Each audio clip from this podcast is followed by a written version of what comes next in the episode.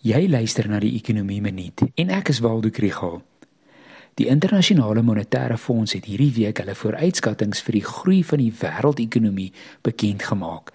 En hulle voorspel dat ekonomieë hierdie jaar heelwat stadiger gaan groei as wat hulle vroeër verwag het.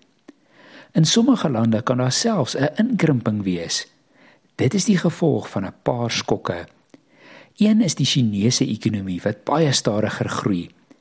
Die oorsaak is hulle zero COVID beleid wat steeds inperkings gebruik en keer dat hulle by die werk en die winkels uitkom soos ons gewoond is. Die Chinese ekonomie het in die tweede kwartaal met net 0,4% gegroei. Daar is ook moeilikheid in hulle eiendomsmark en verbruikersvertroue het onlangs skerp gedaal. Die ander is Rusland se oorlog in Oekraïne wat die prys van ruolie en voedselkommoditeite skerp laat styg het en wêreldwyd inflasiedruk veroorsaak het.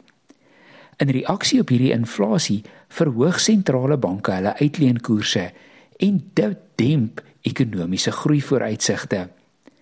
In Europa beleef hulle energiekrisis en inflasie.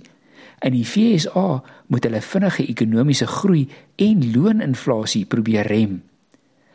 Alles saam is markte onstuimig en ekonomiese groei vooruitsigte onseker. Dit is die eerste keer in 50 jaar dat die hele wêreld so geraak word.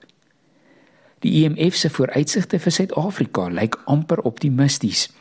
Hulle voorspel 'n ekonomiese groeikoers van 2,3% hierdie jaar en 1,9% volgende jaar.